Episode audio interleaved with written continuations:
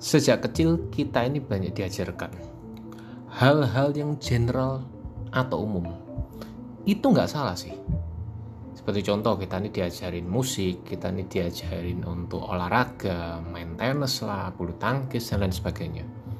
Atau bahkan kita diajarin bahasa yang bahkan mungkin kita ini mikir ini bahasa apa sih contohnya kita diajarin bahasa Cina atau kita diajarin bahasa Inggris.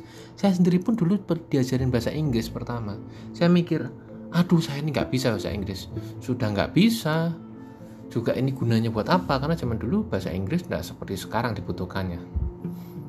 Nah, sering kali kita diajarkan bahwa menjadi orang tertentu atau menjalani profesi tertentu di kemudian hari atau kita ini menekuni bidang tertentu itu adalah sesuatu yang paling tepat untuk masa depan kita.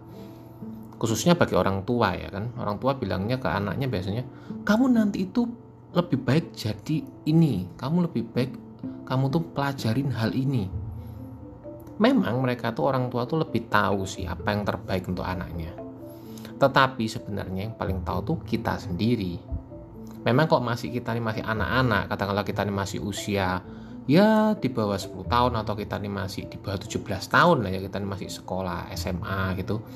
Memang kita nggak tahu-tahu banget tentang diri kita sendiri. Yang lebih tahu biasanya orang tua kita. Nah pun sebenarnya kita ini juga sadar kok sebenarnya. Apa sih yang kita ini sebenarnya tuh paling hebat kita lakukan ya kan? Nah, tapi kadang tuh gini juga kita ini selalu diajarkan tidak hanya oleh orang tua kita tetapi oleh dunia sekeliling kita.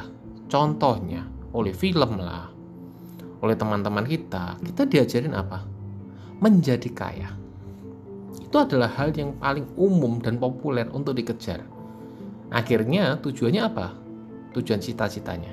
Ingin jadi dokter jadi presiden pemimpin pengusaha direktur lah dan lain-lain yang tinggi-tinggi itu adalah cita-cita yang biasanya umum diinginkan oleh setiap anak kecil ya kan? Bahkan orang anak-anak muda.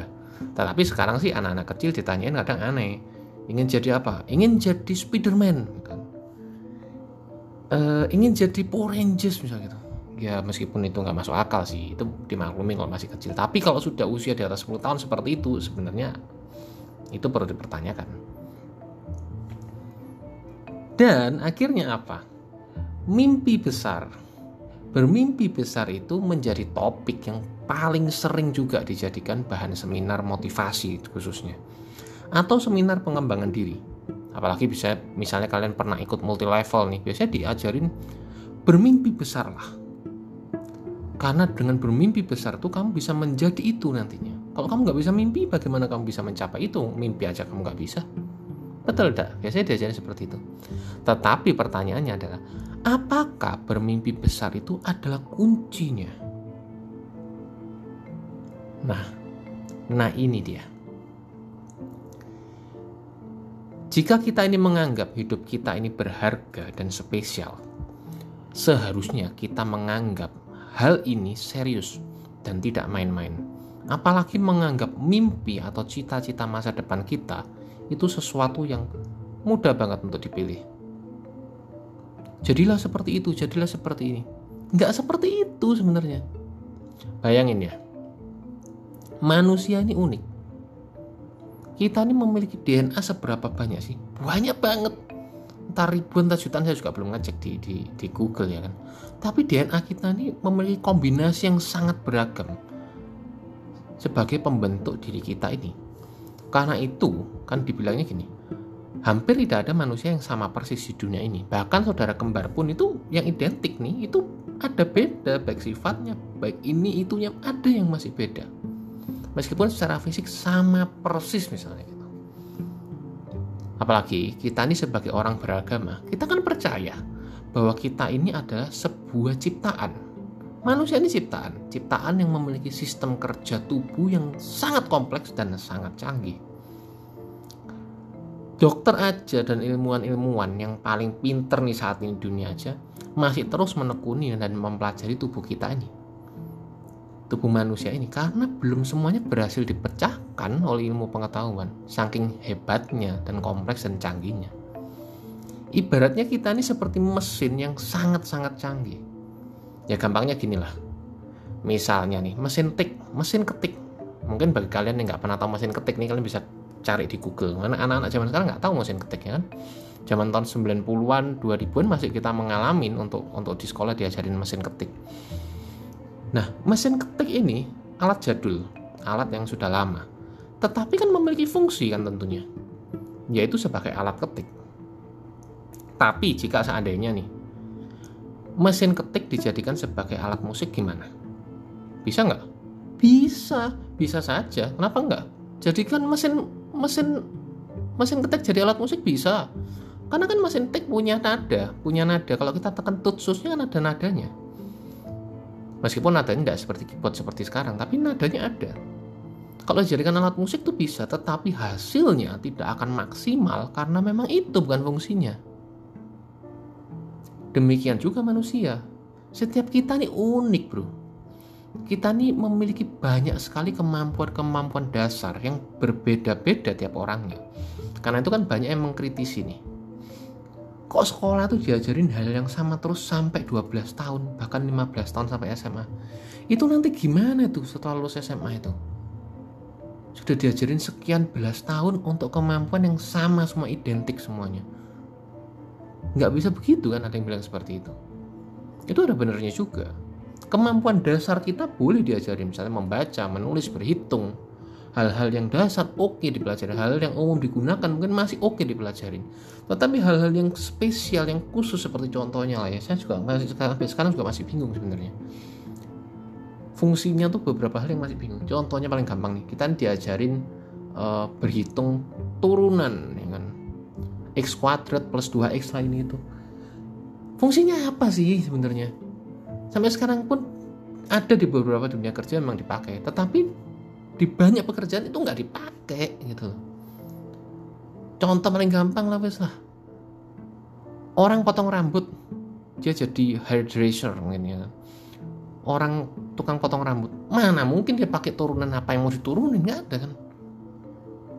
Terus memasak apa yang mau diturunin? Pakai rumus turunan apaan? Nggak guna juga gitu entah kalau misalnya udah jadi master chef saya nggak tahu mohon maaf nih master chefnya mungkin ada rumusnya untuk menciptakan sebuah bumbu dari rumus turunan itu saya nggak ngerti tapi sebagian besar kayaknya nggak ada gitu. nah kombinasi-kombinasi dari kemampuan dasar yang kita miliki itu sebenarnya yang berperan penting untuk memaksimalkan fungsi hidup kita ini kemampuan ini sebenarnya tidak hanya kepintaran akademis tetapi juga emosional, empati, dan lain-lain. Saya sudah cek di Google ya di ilmu pengetahuan ditulis ada sembilan kecerdasan dasar manusia. Coba cek sendiri dari Google. Saya juga nggak hafal. Dan itu hanya dasarnya saja. Artinya, kita sendirilah yang harus mencermati dengan detail diri kita ini. Meneliti lebih dalam apa saja sih yang kita ini mudah untuk melakukannya dan yang tidak mudah untuk kita lakukan. Atau apa yang kita lakukan dengan semangat dan membuahkan hasil maksimal dan mana yang kita lakukan dengan semangat tapi tidak menghasilkan. Belum tentu apa yang kita sukai itu kita ahli untuk mengerjakannya. Duh, kok bisa? Iya, contoh seperti ini. Kita suka nih bermain game. Game misalnya game online gitu ya di HP. Tapi apa kita ahli melakukannya? Enggak juga. Banyak yang game gamer-gamer yang ahli. Kalau memang dia adalah gamer yang ahli, bakatnya memang dia game, harusnya tuh dia bermain. Dia tidak hanya bermain asal main cuman kesenangan bukan. Tapi dia berpikir lebih dari situ. Gimana caranya untuk ini itu? Itu memang memang tak hebat banget otaknya emang bermain gamenya emang. Tapi tidak semua orang yang menyukai game itu adalah memang dia memiliki kemampuan yang ahli di situ. Tidak juga. Nah, karena itu tidak tidak semua yang kita sukai itu bukanlah belum tentu itu adalah kemampuan kita yang sungguhnya Nah, jika kita bisa memilih dengan tepat hal-hal yang bisa kita lakukan dengan maksimal, itu yang harusnya diperkuat dan diperdalam sehingga kita menjadi ahlinya, bahkan masternya.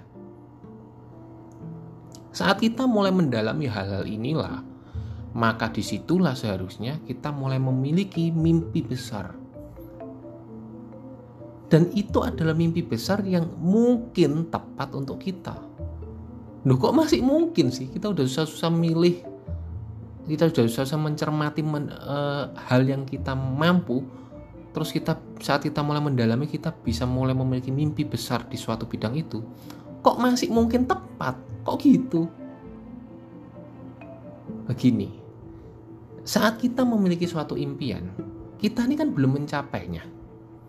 Tentu kita ini berimpian sesuatu yang baik-baik kan, tidak mungkin sesuatu yang buruk. Tapi apa itu benar? Benar-benar sebaik yang kita bayangkan? Belum tentu juga kan.